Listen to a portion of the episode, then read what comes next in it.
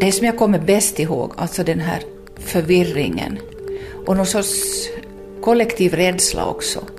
För ingen visste ju, vad var det som hände? Vad var det här? Och hur ligger det en död människa mitt på Storgatan i Jakobstad? Största delen som var där i bilarna, de var chockade, naturligtvis. Det var så kraftig explosion att, att om man tänker att jag var över 100 meter därifrån om bilen, bilen hoppade lite.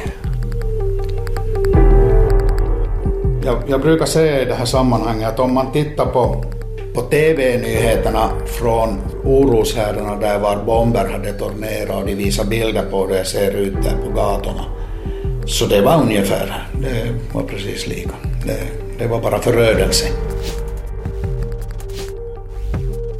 Ni ska nu få höra historien om när den lilla staden Jakobstad skakades om ordentligt. Det är historien om en bomb, konkurrens och en mans enträgna arbete för det perfekta alibit.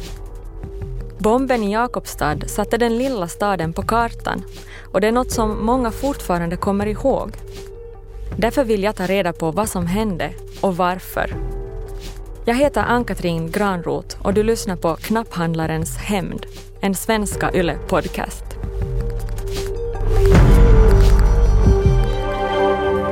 God kväll, här är måndagens nyheter.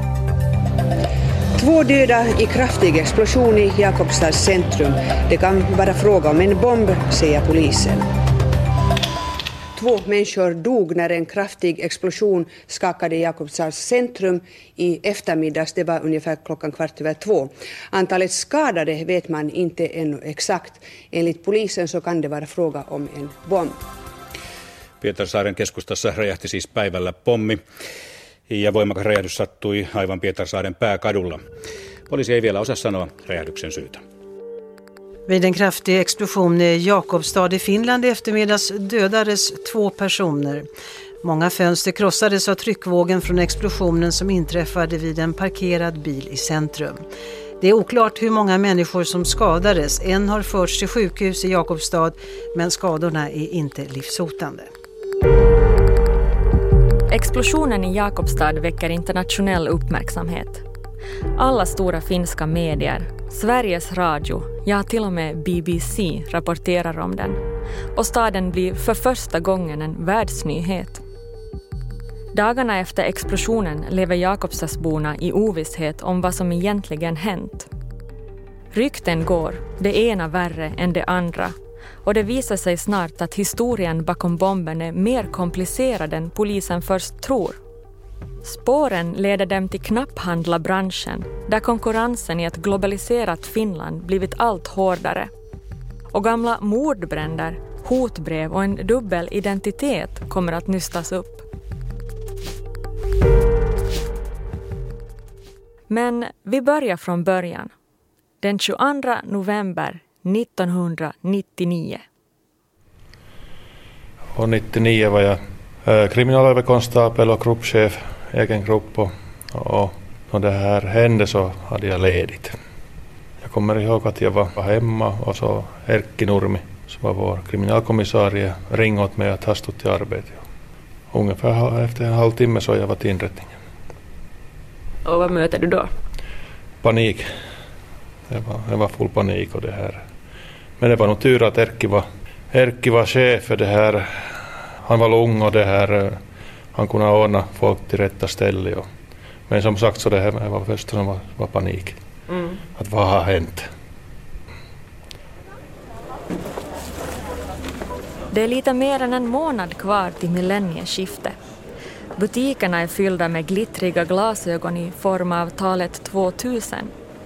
Folk oroar sig mest för millenniebuggen att datorer och andra elektroniska grejer ska sluta fungera när år 1999 tar slut.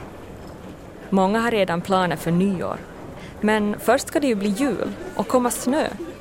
Fastän det nästan är december är det grått och trist på gatorna. Fast just idag har det faktiskt snöat lite grann så gatorna är hala. Folk går försiktigt för att inte halka. Jag är 17 år och gör min arbetspraktik vid en klädaffär mitt i centrum. Jag är intresserad av kläder och därför är jag väldigt nöjd över att ha fått jobb just här.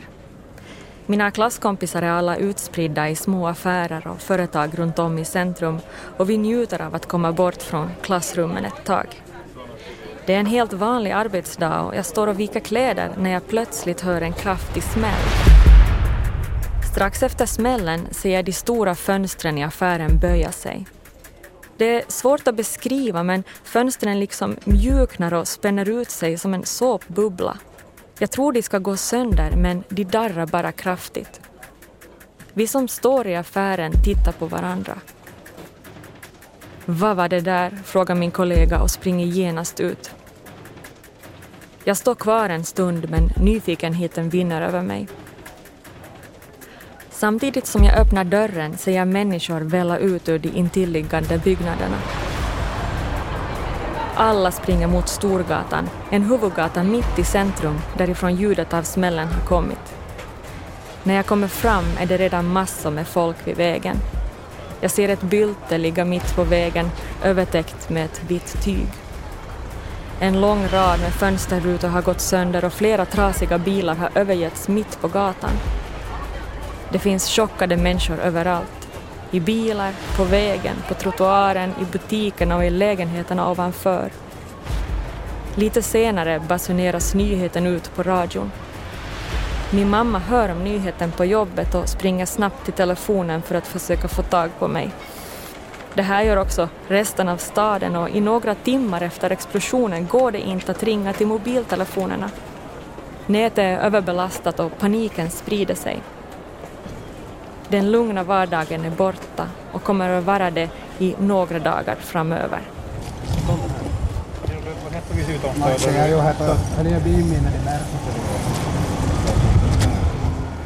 Här bredvid mig så står vitklädda poliser på alla fyra och de har förmodligen pincetter i handen där de nu gräver i glassplittret från de fönster som alltså blåstes ut här i samband med explosionen. Jag står utanför kontorstjänst vars fönster också har tagit skada. Du ser hur det ser ut där inne då du ser ut fönstren. Det är en massa glassplitter, ja. Inre rutorna på skyltfönstren har liksom rasat, rasat ner och så finns där en, en vägg som har varit en ingång för som också har blåst in kan man väl säga. Den har varit rätt sådär uppskakande. Ja. Inte det är ju något sånt som man väntar sig ska hända sådär mitt på en vardag. Många affärer får stora skador. En av de vars affärslokal skadas värst är fastighetsförmedlaren Mikael Nyberg. Några sekunder innan explosionen står han utanför sin affärslokal tillsammans med Merja som jobbar i affären bredvid. De diskuterar årets julbelysning som snart ska upp i affärerna. Samtalet är kort och de går båda vidare. Merja in till en annan affär och Mikael in till sitt kontor för att ringa ett samtal. Jag hann lyfta luren precis och sen bara small det. Och det var ju en händelse som, som eh, man förstod ju ingenting förstås. Jag upplevde att, att den här själva explosionen den, den dröjde och dröjde och dröjde. Alltså jag menar med det att jag såg när hela mitt kontor, möbler, glassplitter, rök, eld. Allt seglar mina ögon förbi för att fortsätta ut genom mitt fönster i kontoret och ut på bakgården. Så att eh, hela mitt kontor i princip blev, blev då totalförstört och, och i princip hittade man det mesta på bakgården.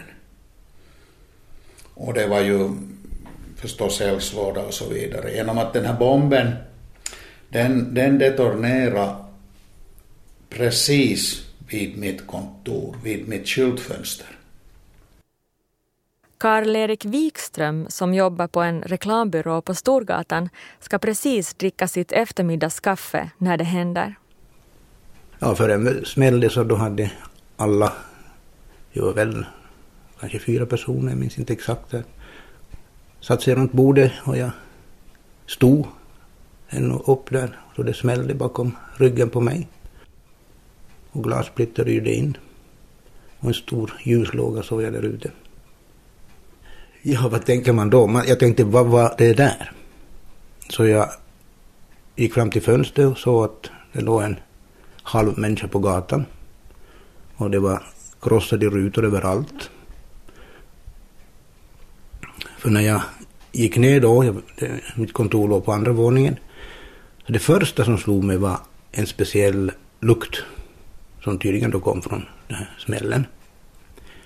Och eh, allting var stilla. Väldigt stilla. Eh, det enda som hördes var ambulans och polissirenerna som säkert då just startade efter att de hade fått alarmet.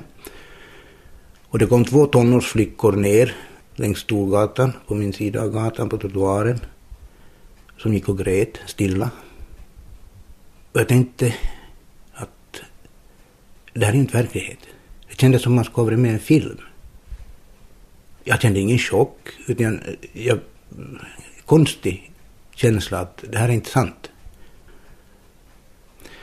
Och så gick jag faktiskt och tittade på den här mannen som låg där på gatan. Och eh, då tänker man ju att, att se en halv människa ligga där, så det, det vill man ju inte se. Men jag kände ingenting. Jag konstaterade att det kom inget blod. Då jag tittade ut genom fönstret, då såg jag att han huvudet nickade fyra, fem gånger och så låg han stilla. Det var först sen som reaktionerna kom. Så att man nästan började darra. Eller börja darra. Mauri Nyssola är först på plats av poliserna i Jakobstad. Egentligen är han ledig den här dagen men precis när han parkerar sin bil på torget hör han en kraftig smäll. Han ser att ett starkt ljussken och en stor låga, lika hög som husen vid gatan, slår upp. Runt lågan samlas grå, tjock rök och en konstig lukt sprider sig över området. Jag tänkte bara att vad kan vara en sådär stor explosion? Att, att det måste vara, det kan inte vara någon bil som bara exploderar för en teknisk fel. Ett, att det måste vara någon, någon laddning riktigt. Så att, och det var inte så mycket tid att börja tänka vad som hände utan det var viktigast att få folk bort därifrån. Och det var inte så bra, bra att se allt vad, vad som var där. Och, och, så att inte, inte, man hinner inte riktigt tänka, man gör bara. Mauri ser också en gammal kollega på platsen, en pensionerad polis, som hjälper honom med att få bort folk och spärra av området. Men det är inte den lättaste uppgiften. No, det var lite kaos där. Det var några, några som kom därifrån då. De mådde illa. De har sett, sett den där, vad det var där och, och, och så att och folk fast de är lite rädda, de är nyfikna och de vill komma och skåda. Det är alldeles naturligt. Vi måste hindra dem att komma dit så att det var ganska jobbigt också att få, få folk bort därifrån. Och att de stör inte det stället som vi måste undersöka.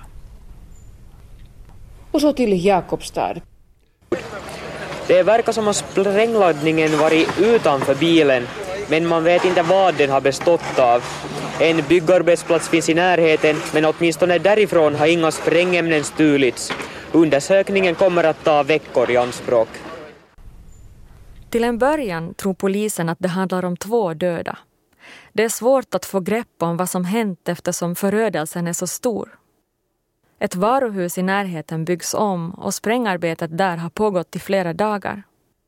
Därför tror många att explosionen handlar om en fruktansvärd arbetsolycka. Många bilar står parkerade på gatan och några personer har också kommit körande på gatan precis när det exploderat största delen som var där i bilarna, de var chockade naturligtvis. Det var så kraftigt explosion att, att om man tänker att jag var över 100 meter därifrån och bilen, bilen hoppade lite så det måste ha varit ganska häftig situation i bilen var, när de var alldeles nära där. Det som jag kommer bäst ihåg, alltså den här förvirringen och någon sorts kollektiv rädsla också. För ingen visste ju, vad var det som hände? Vad var det här? Och hur ligger det en död människa mitt på Storgatan i Jakobstad? Denise Lindell jobbar som journalist på Jakobstads tidning och hon är snabbt på plats. Folk var ju chockade och folk grät.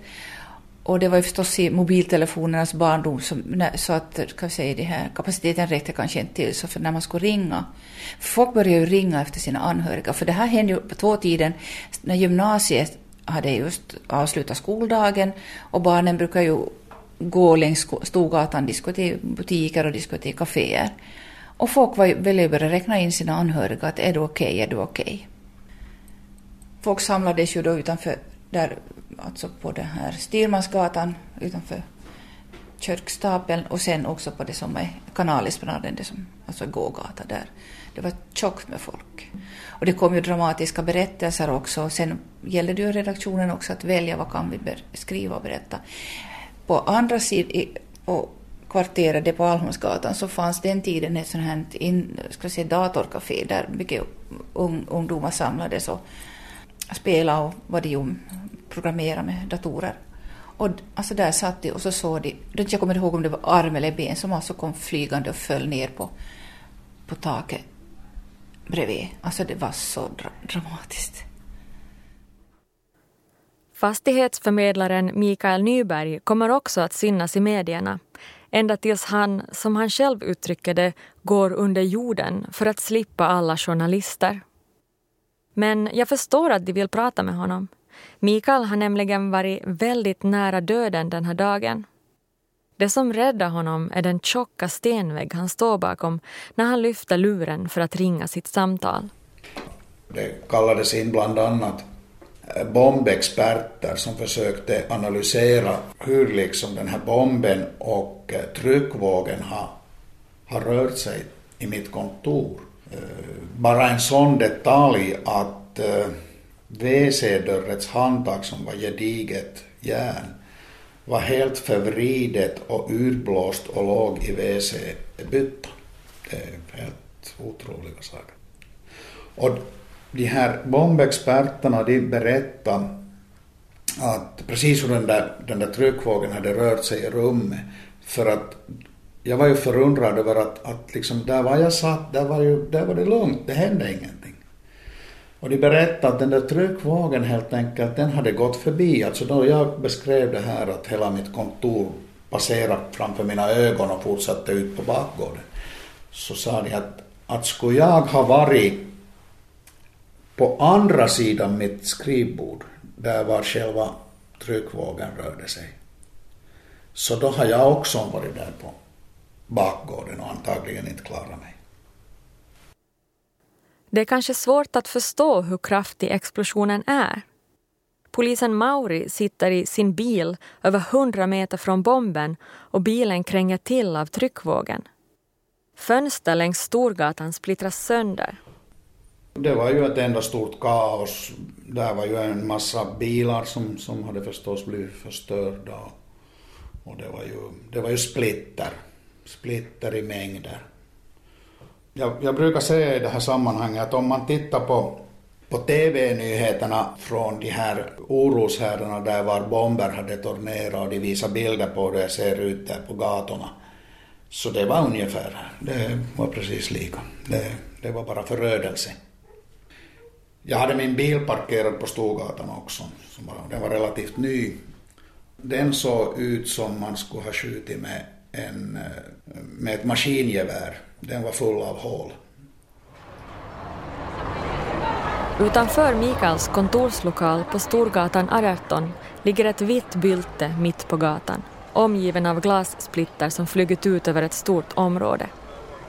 En röd bil som länge stått parkerad utanför kontoret har nu buntats ihop med två andra bilar och bakluckan är vidöppen. En vit skåpbil som är fylld med mediciner på väg till apoteket på Storgatan är övergiven. Plastlådor fyllda med mediciner ligger på gatan och chauffören är skadad och förvirrad. Han är antagligen den som är närmast bomben när den exploderar och när ambulansen når fram till platsen förs han genast till Jakobstads sjukhus och sen vidare till Seinejoki. Rykten går om att han ska vara svårt skadad. Efter ett tag evakueras alla invånare i huset på Storgatan 18 eftersom myndigheterna är rädda för att den kraftiga explosionen ska ha förstört husets konstruktion. I tumultet cirkulerar också rykten om att Mikael ska vara ett av offren. Men det ryktet slutar snabbt när folk får se honom i liv. Efter explosionen försöker han ta sig ut till Storgatan men kontoret brinner och rökutvecklingen är så kraftig att han måste svänga om. På bakgården träffar han Merja och en annan företagare. De är väldigt chockade och han för dem till en restaurang i närheten så att de alla tre ska kunna lugna ner sig. Restaurangägaren, han sa du behöver en konjak, sa han och så gav han mig ett konjaksglas faktiskt. Tacksam för, lugnade ju ner lite. Och då ringde jag hem och berättade vad som har hänt helt enkelt och då kom, kom min fru helt enkelt och då också dit till restaurangen. Och, och, vi var där då helt enkelt tills det lugnade ner sig lite. Det var ju, det var ju väldigt, väldigt mycket folk och mycket poliser och brandmän och ambulanser. Och, folk förstås som var nyfikna som ville se det, vad som har hänt. Mikaels fru är oroad över deras son. Han slutade skolan då faktiskt klockan två den dagen. Och han brukar komma med sin skolväska till mitt kontor där han ska gå och leka med kompisarna. Så att han behöver komma hem med skolväskan. Och den här dagen så hade vi kommit överens om att han kan hämta sin skolväska till mitt kontor när han slutar skolan. Och den här bomben detonerade väl någon gång där kring 20 över två, någonting i den stilen. Och han hade slutat skolan två. Så att den här ovissheten att han kanske råkar vara på väg till mitt kontor. Och vi visste ju inte då hur, hur det ligger, för vi fick ju inte tag på den tiden hade man, hade man ju inte mobiler åt de här barnen. Det var tungt för oss båda innan vi, innan vi då fick reda på att allt var väl. Han hade nämligen gått direkt till sin kompis. Så ibland är det bra när de trotsar sina föräldrar.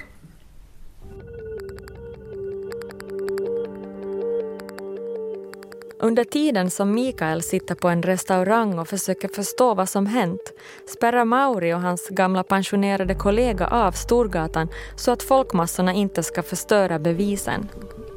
Det var, det var ganska, ganska livligt där. Det kom mer och mer folk dit. Och, och, och. Sen kom andra patrullen dit och jag berättade åt dem vad som har hänt och vad, vad jag har gjort. Och att de kan fortsätta.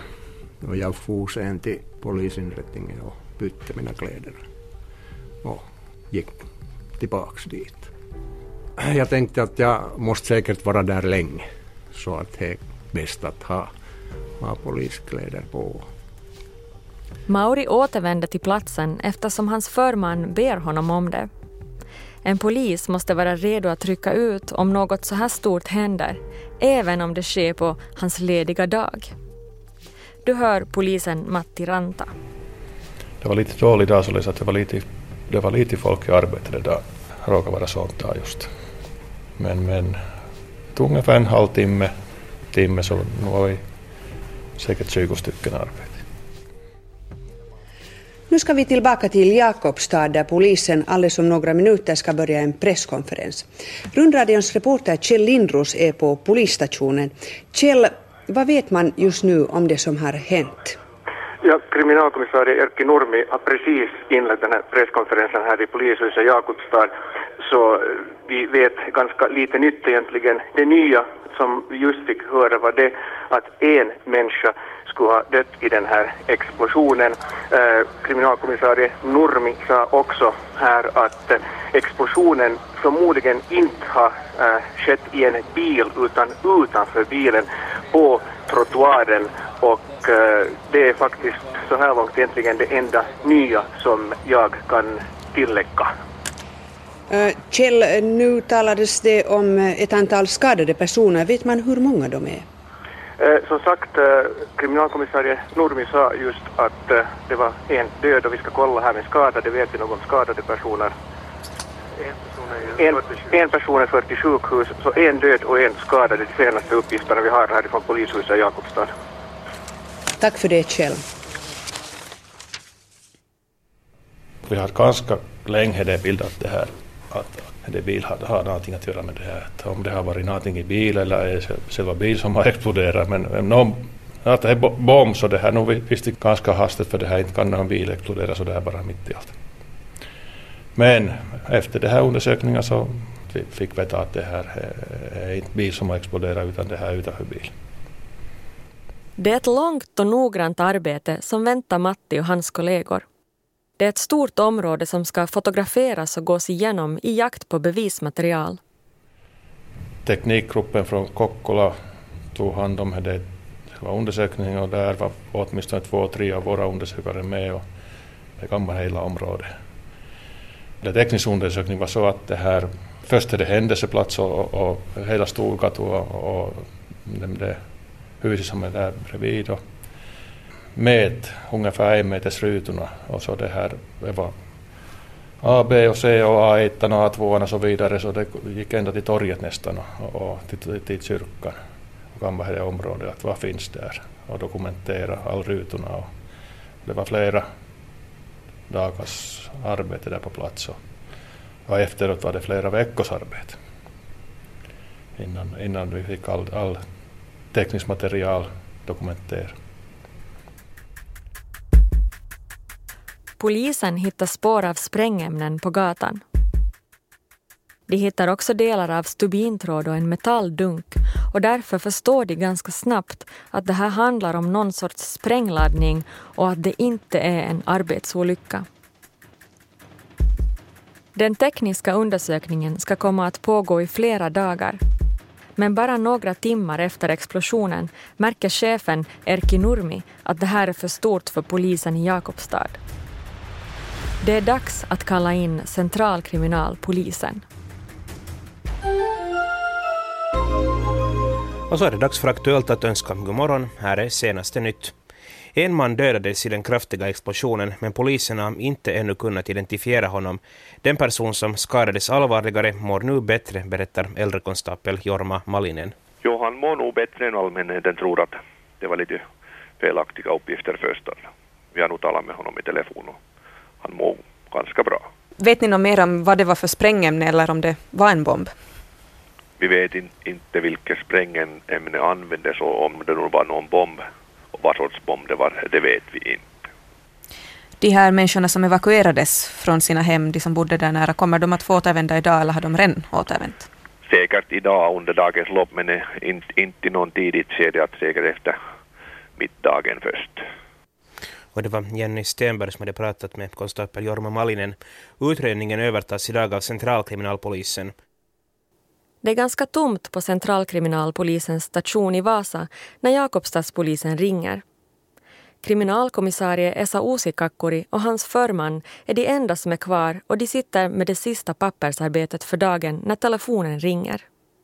Det var Erkki Nurmi som var chef för brottsutredning i Jakobstad som ringde. Och han sa det att, att det har varit en enorm explosion där mitt i staden. Och att han behöver hjälp för undersökning. Esa och hans förman vet båda två att Erki inte brukar be om hjälp i onödan och förmannen bestämmer sig för att genast åka in till Jakobstad. Esa har en tandläkartid att passa och kan därför inte åka iväg just den dagen, men explosionen fångar hans intresse. Han frågar sin kollega var explosionen skett och får veta att det handlar om Kärncentrum på Storgatan. Jag vill minnas att, att när vi redan nio, nästan tio år sedan undersökte det, det var mordbrand i Jakobstad, att den där företagaren som ägde den där industrihallen som var mål för det här eh, brott. Att han flyttade till mitt i stan för det var lättare att övervaka där. Och de var rädda att det, det kan hända någonting där i industriområdet. Fallet som Esa minns handlade om två mordbränder och också bombhot. Det blev aldrig uppklarat och om han nu minns rätt flyttade företaget sin verksamhet till Storgatan. De båda poliserna skrattar torrt åt den här väldigt långsökta kopplingen men förmannen lovar hålla det i minnet under undersökningen. Och Aktuellt 17 fortsätter och vi ska höra om stämningarna i Jakobstad idag. Ja, mörkret har nu lagt sig över Jakobstad. Polisens gula band är fortfarande kvar här på delar av Storgatan som ett tecken på att man inte får gå in här riktigt ännu. Den tekniska undersökningen fortsätter tydligen och likaså röjningsarbetet som ni kanske hör här i bakgrunden.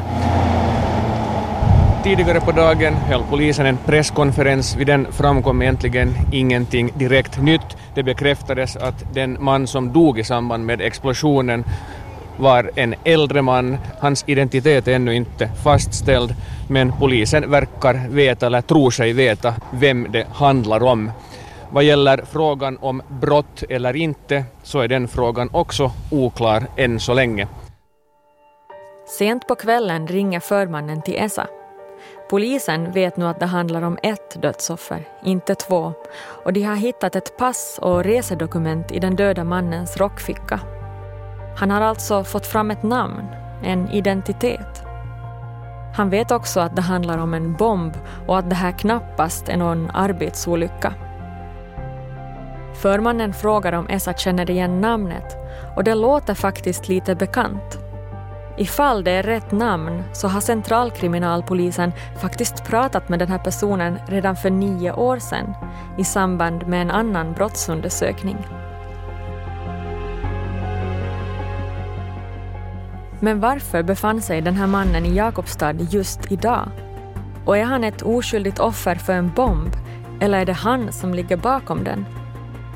Polisen hittar ett brev i mannens rockficka och det ska ge svar på flera frågor.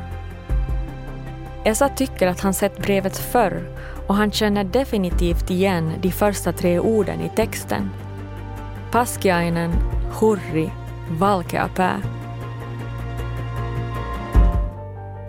Det här är svenska YLE-podcasten Knapphandlarens hämnd och du ska få följa med på en utredning som inte bara handlar om en bomb i småstaden Jakobstad. Tack vare en noggrann teknisk undersökning och närmare tio år gamla polisundersökningar kommer inte bara ett utan tre brott upp till ytan